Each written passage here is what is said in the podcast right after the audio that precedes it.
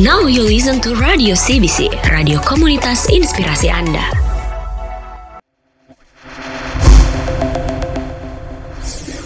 CBC Inside.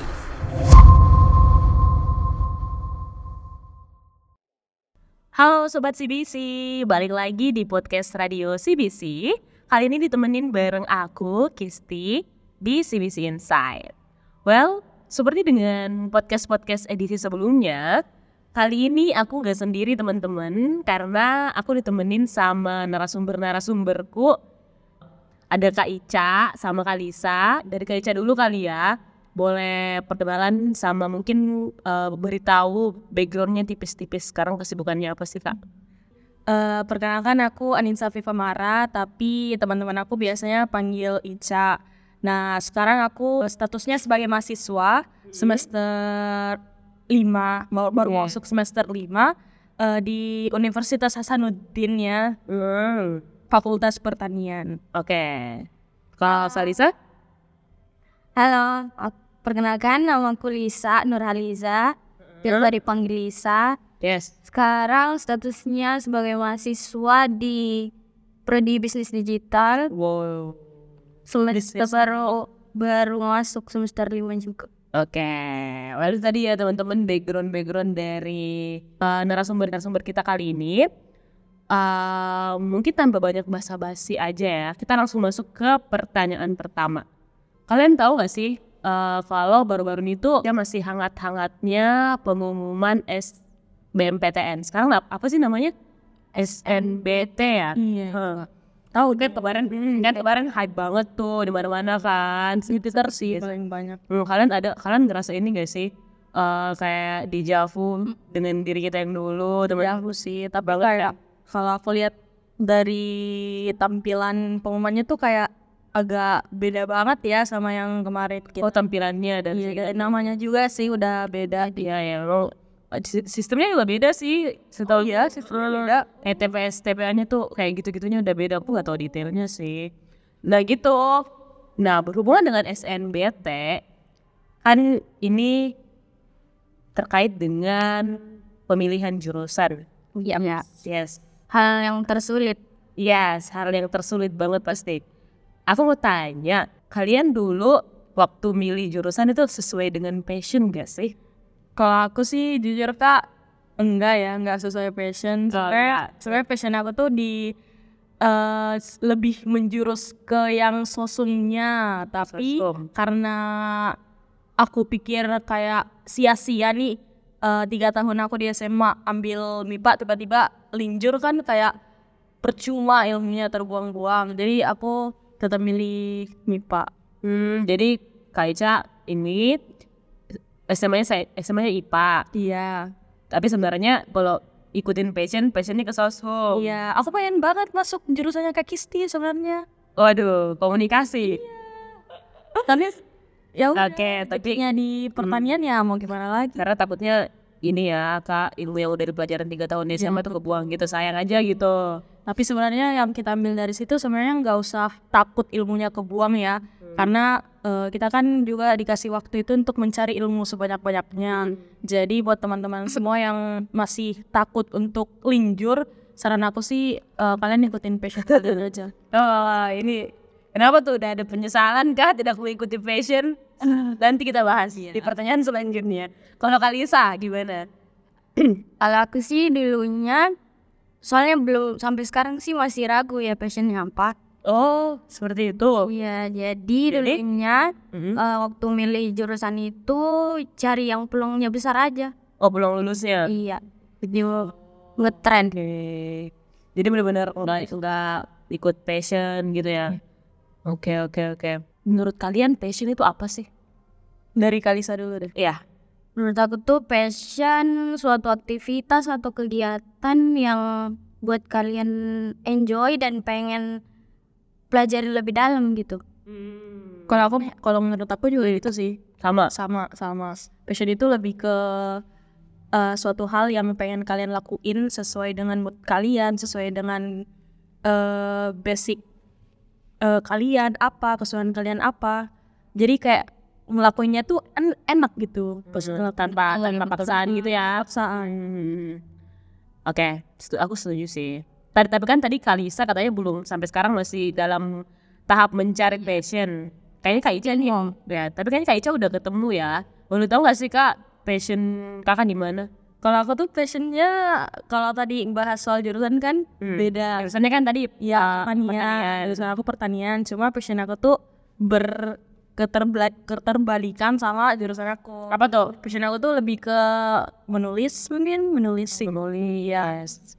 Kak Ica ada ini gak sih ada buku atau gimana sih? Nulis nulisnya biasanya ke mana Kak? Kalau boleh. Sih aku lebih ke online ya bukan Oh. dalam bentuk lebih ke digital bukan lebih ke digital begitu bukan yang langsung dalam bentuk fisiknya enggak Oke, jadi eh, cara gimana Kak Ica bisa berani bilang kalau nulis itu passionku tuh. Biar Passion. dan itu gimana, kapan, terus kayak gimana bisa? waktu itu kan eh, kita kan kalau libur semester itu kan jangka waktunya lama ya otomatis kita juga gabut Hmm. apalagi nggak ada magang atau kerja sampingan jadi kita cuma di rumah nah tiba-tiba aku berpikir nih untuk me mencari kegiatan iya mencari kegiatan betul banget untuk eh, menuangkan imajinasi aku ke dalam bentuk tulisan itu aku enjoy banget sih. Tapi aku tuh biasa ngerasa kayak eh aku ngelakuin satu kegiatan tuh aku rasa ini udah passionku tapi pas ngedalaminnya tuh kayak langsung salah gitu kayak ini bukan passionku dah Oh, jadi kayak eh Kalisa coba hal ini karena menurutnya ini passionku, tapi Ya, ternyata pas dicoba bukan ngerasa bukan nggak sesuai gitu. sih itu sering terjadi sih. Tapi Kaisa nggak pernah ngalamin itu ya? Sejauh lagi nulis belum sih belum. Mungkin karena dia sekali nyoba langsung, wih kayaknya kayaknya ini emang masan pen gue kayak gitu kali ya. Kan. kalian harus coba nulis sih apalagi kak buat kalian sobat CBC yang mungkin punya imajinasi lebih ada tuh kan kalau kalian sebelum tidur kan kita biasa berhayal-hayal dan Oh iya sering sih sering sering. sering kan daripada hayalannya tuh kebuang cuma-cuma Hanya untuk mungkin sobat CBC bisa nuanginnya ke dalam bentuk tulisan yang bisa dinikmati pembaca atau orang-orang sekitar Ya, oke oke oke gitu. Lanjut ke pertanyaan selanjutnya aja. Ini mungkin untuk ke Kalisa dulu deh, aku pengen denger jawabannya Kalisa. Katanya kan tadi dalam masih dalam uh, masa mencari passion, iya hidup dengan passion yang masih abu-abu itu berpengaruh nggak sih kak? Kayak ada pengaruhnya atau justru kayak sebenarnya hidup tanpa tahu passion kita tuh apa itu masih oke-oke aja, aman-aman aja gitu gimana? sejauh ini ber, nggak nggak terlalu berpengaruh sih Sebenarnya udah signifikan Iya. nih pengaruhnya. Jadi tapi kayak bikin gelisah juga sih soalnya ngelihat orang-orang kan punya passion kayak punya sesuatu yang apa ya jadiin passionnya Iya. tuh jadi passionnya tuh dia jadiin sebagai mungkin bahasa kasarnya cari eh, modal cari uang apakah? Iya bisa sih modal cari uang tapi kayak dengan eh, sembari menyalurkan hobi gitu kan biasa gitu kan. Nah, jadi kesimpulannya di Kalisa nggak. hidup dengan passion yang masih abu-abu tidak tidak memberikan pengaruh yang signifikan. nggak gitu. terlalu berpengaruh tapi lebih baiknya tahu sih soalnya aku lagi nyari Masih juga. juga. Kalau Kak Ica gimana Kak? Bagi orang yang udah dapat passionnya? kalau menurut aku tuh passion gak selamanya apa sih tadi berpengaruh Udah selama berpengaruh nggak selamanya berpengaruh Hmm. Ke hidup kita. oh, kalau menurut aku sih passion nggak selamanya berpengaruh ke hidup kita ya. Hmm. tapi ada kalanya mungkin pekerjaan yang kita ambil nanti di ke depannya bisa ambil sesuai passion supaya lebih nyaman sama enjoy jalaninnya. Tapi kan eh, kita nggak bisa selalu nentuin apa yang kita mau itu harus terjadi. Jadi kalau memang jalannya nggak harus sesuai dengan passion kita tapi itu bisa mencukupi kehidupan kita Hmm. kenapa tidak gitu. Kita mungkin atau mungkin atau mungkin uh, kita lagi nge- ngejalanin satu hal Hmm. yang tidak sesuai dengan passion kita tapi di satu sisi satu hal itu tuh menunjang kehidupan kita. Anggaplah kita passionnya tuh di bidang kedokteran tapi pekerjaan kita tuh di bidang kantoran. Tapi di bidang kantoran ini dia tuh menunjang kehidupan finansial kita. Hmm. jadi mau tidak mau secara tidak langsung kita harus maksain diri kita untuk eh, jadiin apa yang kita lakukan di kantoran itu jadi passion kita karena ya dia yang hidupin Berarti lebih berpikir realistis aja sih Kak. aja ya, saya lebih realistis aja kalau misalnya yang lebih menjanjikan aja ya. Iya, betul betul. Karena passion tuh bisa juga em jadiin hobi hobi Side job sampingan, sih, side jadi job, side side job sih, side job. Tapi menarik nih. Kan ini Kak Ica sekarang katanya passionnya menulis. Di, ya bagi nulis-nulis gitu. Iya. Tapi kan kuliahnya di pertanian. Iya, betul. Setelah lulus ada nggak sih kan niatan untuk ngejar passion gitu? Kayak maksudnya eh, mungkin mau jadi mendalami jadi menda- lebih mendalami jadi penulis atau gimana gitu?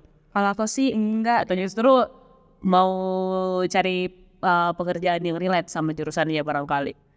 Eh kalau aku tetap mau jadiin passion aku jadi side job aja. Oh, Pekerjaannya aku mau cari yang sesuai sama jurusan aku aja sih. gitu. Karena eh aku lihat juga passion aku bukan berarti nggak terlalu menjanjikan, cuman ada kalanya memang lebih cocoknya tuh dijadiin jadiin side job aja. Hmm, oke. Kalau menurut kakak Lisa nih, kan tadi Kak Ica sempat mention tuh, katanya kita realistis aja gitu.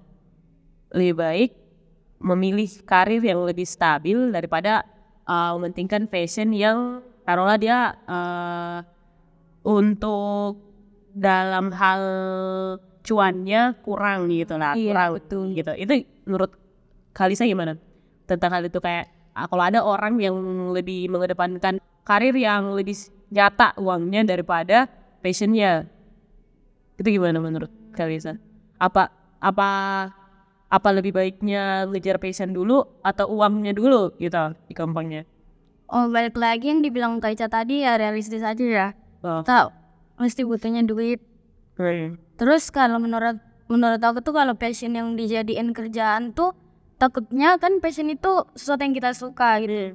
Kalau kita capek karena capek dengan passion kita lalu jadiin kerjaan jadi tekanan jadi bingung larinya mau ke mana karena passion kan Yes. sebagai hiburan hiburan kita pelampiasan kalau lagi capek Gitu. jadi kayak waktu yang kerja ya kerja aja jadi kalau capek kerja ya larinya ke passion Aku juga setuju sih sama Kalisa. Oh. menurut aku sih gitu ya Mm-mm-mm.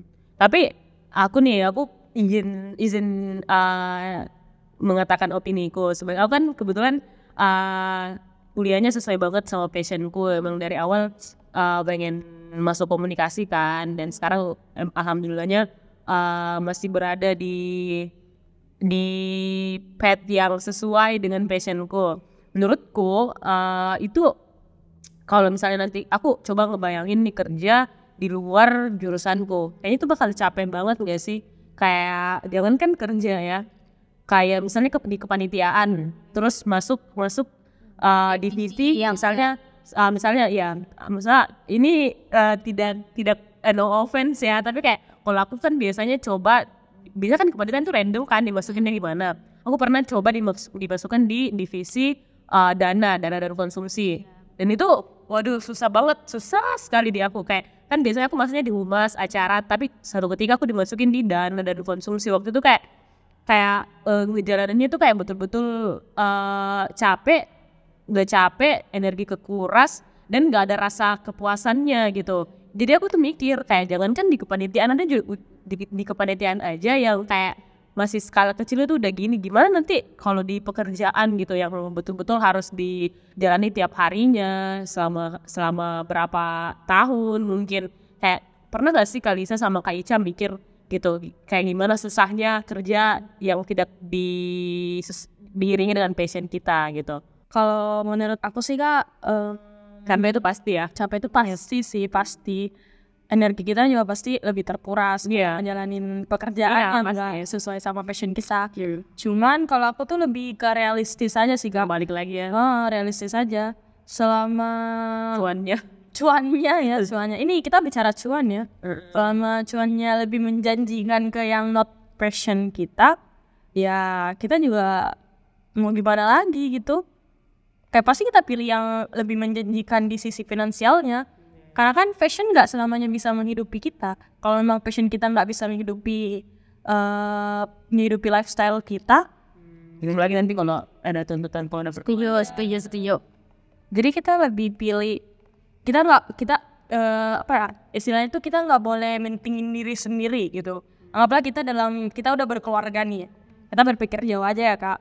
Anggaplah kita udah berkeluarga nih. Terus eh, kita tuh kerjanya sesuai dengan passion kita. Cuman eh, dari sisi cuannya itu nggak terlalu menjanjikan. Cuannya tuh eh, nggak bisa mencukupi keluarga kita. Tapi di satu sisi tuh ada pekerjaan yang ditawarin yang yang nggak sesuai sama passion kita, tapi gajinya tuh menjanjikan yang bisa ngehidupin keluarga kita. Jadi ya kalau kita berpikir realistis, kita harus ngorbanin passion kita dan kerja di yang no passion. Ya make sense juga sih sebenarnya. tapi lebih bagus lagi sih kalau passion kita bisa dikembangin. Ya Karena salah dapat bahan iya nah gimana caranya? Mungkin kita bisa lebih ke mutar otak gimana caranya biar passion biar biar passion kita tuh eh, bisa menghasilkan juga. Cuman biasanya susahnya di situ. Kayak ketika dihadapkan dengan uang atau passion biasanya itu sangat sulit ya. Kalau dari Kalisa ada nggak sih sebagai orang yang masih juga dalam tahap mencari passion eh, gimana sih caranya? Mungkin dari sobat CBC juga masih ada yang bingung tentang passionnya apa. Kayak apa dari Kalisa sendiri ada nggak sih kak saran atau kayak apa aja kegiatan yang bisa dilakukan dalam rangka menge- eh, mencari passion kita? Banyak banyakin explore. Explore hal-hal yang baru biar bisa tahu sukanya di mana. Terus kalau belum dapet ya jangan nyerah pas pasti aku yakin sih semua orang pasti punya passion. kan? Ya tuh betul. Cuman takut gagal. ya betul. Cuman ya mau dicari aja di mana gitu passionnya. Apalagi kan kita milenial tuh kalau ngelakuin satu hal tuh kalau down dikit nyerah. nah ya ada terus kita kan juga punya banyak wadah ya. Sekarang tuh banyak banget. Iya. Ya, cuman sisa jadi kita pintar-pintar kita manfaatkan ya manfaatin wadah-wadah yang udah tersedia. betul. Yes, pokoknya untuk sobat CBC yang sampai sekarang belum menemukan passionnya, jangan takut, tetap semangat. Karena eh, masih perjalanan kita masih panjang guys. Kayak kita masih muda juga kan, sebenarnya. Segitu belum dapat. hal baru. Yes, dari jati diri. Iya. Jadi belum menemukan passion di usia kita yang sekarang. It's gak usah khawatir. Sampai ya guys. Yang terakhir, iya lebih ke ini sih motivate statement kali ya kita nyebutnya.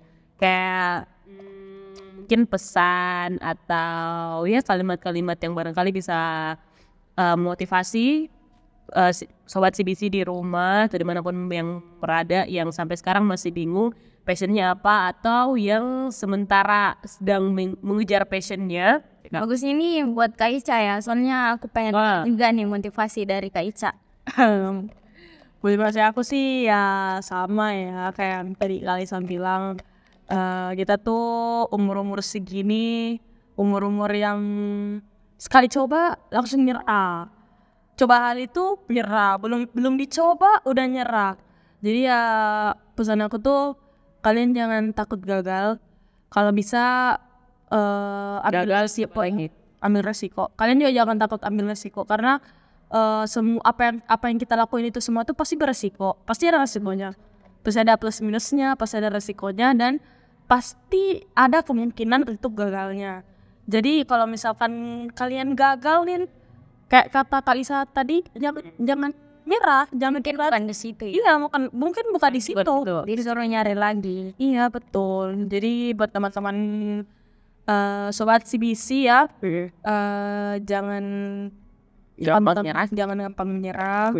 eh tetap explore diri kalian tuh cocoknya di passion mana. soalnya kita tuh kayak gampang ke trigger gitu nggak sih kalau lagi buka sosial media terus ngeliat pencapaian teman-teman kita tuh udah kayak jauh banget Hmm, kayak FOMO juga ya, kayak Oh, sih, sukses. jadi nggak apa ya menurutku nggak usah bawa stres deh eh, soalnya tuh eh, setiap orang tuh punya timingnya masing-masing. Yes, betul betul betul.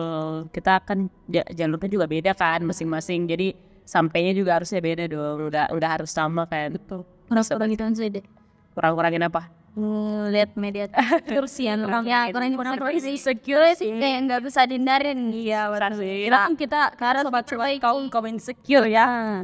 diperbaiki dari dalam Yang mau coba ini, ah enggak, gue nggak bisa nih. Nah kebanyakan sih kalau menurut tuh kayak kak semuanya tuh takut duluan sih. Iya, Kayak, Ya, takut. apalagi ya untuk hal yang baru yang nggak pernah dicoba. Aduh betul. Wih, Bukan bukan ini bukan kak begini, weh nggak pernah kak begini. Jangan pos saya deh yang lain loh. Dan padahal itu kesempatannya belum tentu ada lagi di kemudian hari gitu. Kita kan nggak tahu. Eh, jadi eh closing statement dari aku sendiri untuk sobat CBC di mana pun kalian berada tetap semangat tetap semangat jalanin aja apa yang sekarang ada di depan mata kalian stay fokus on your goals.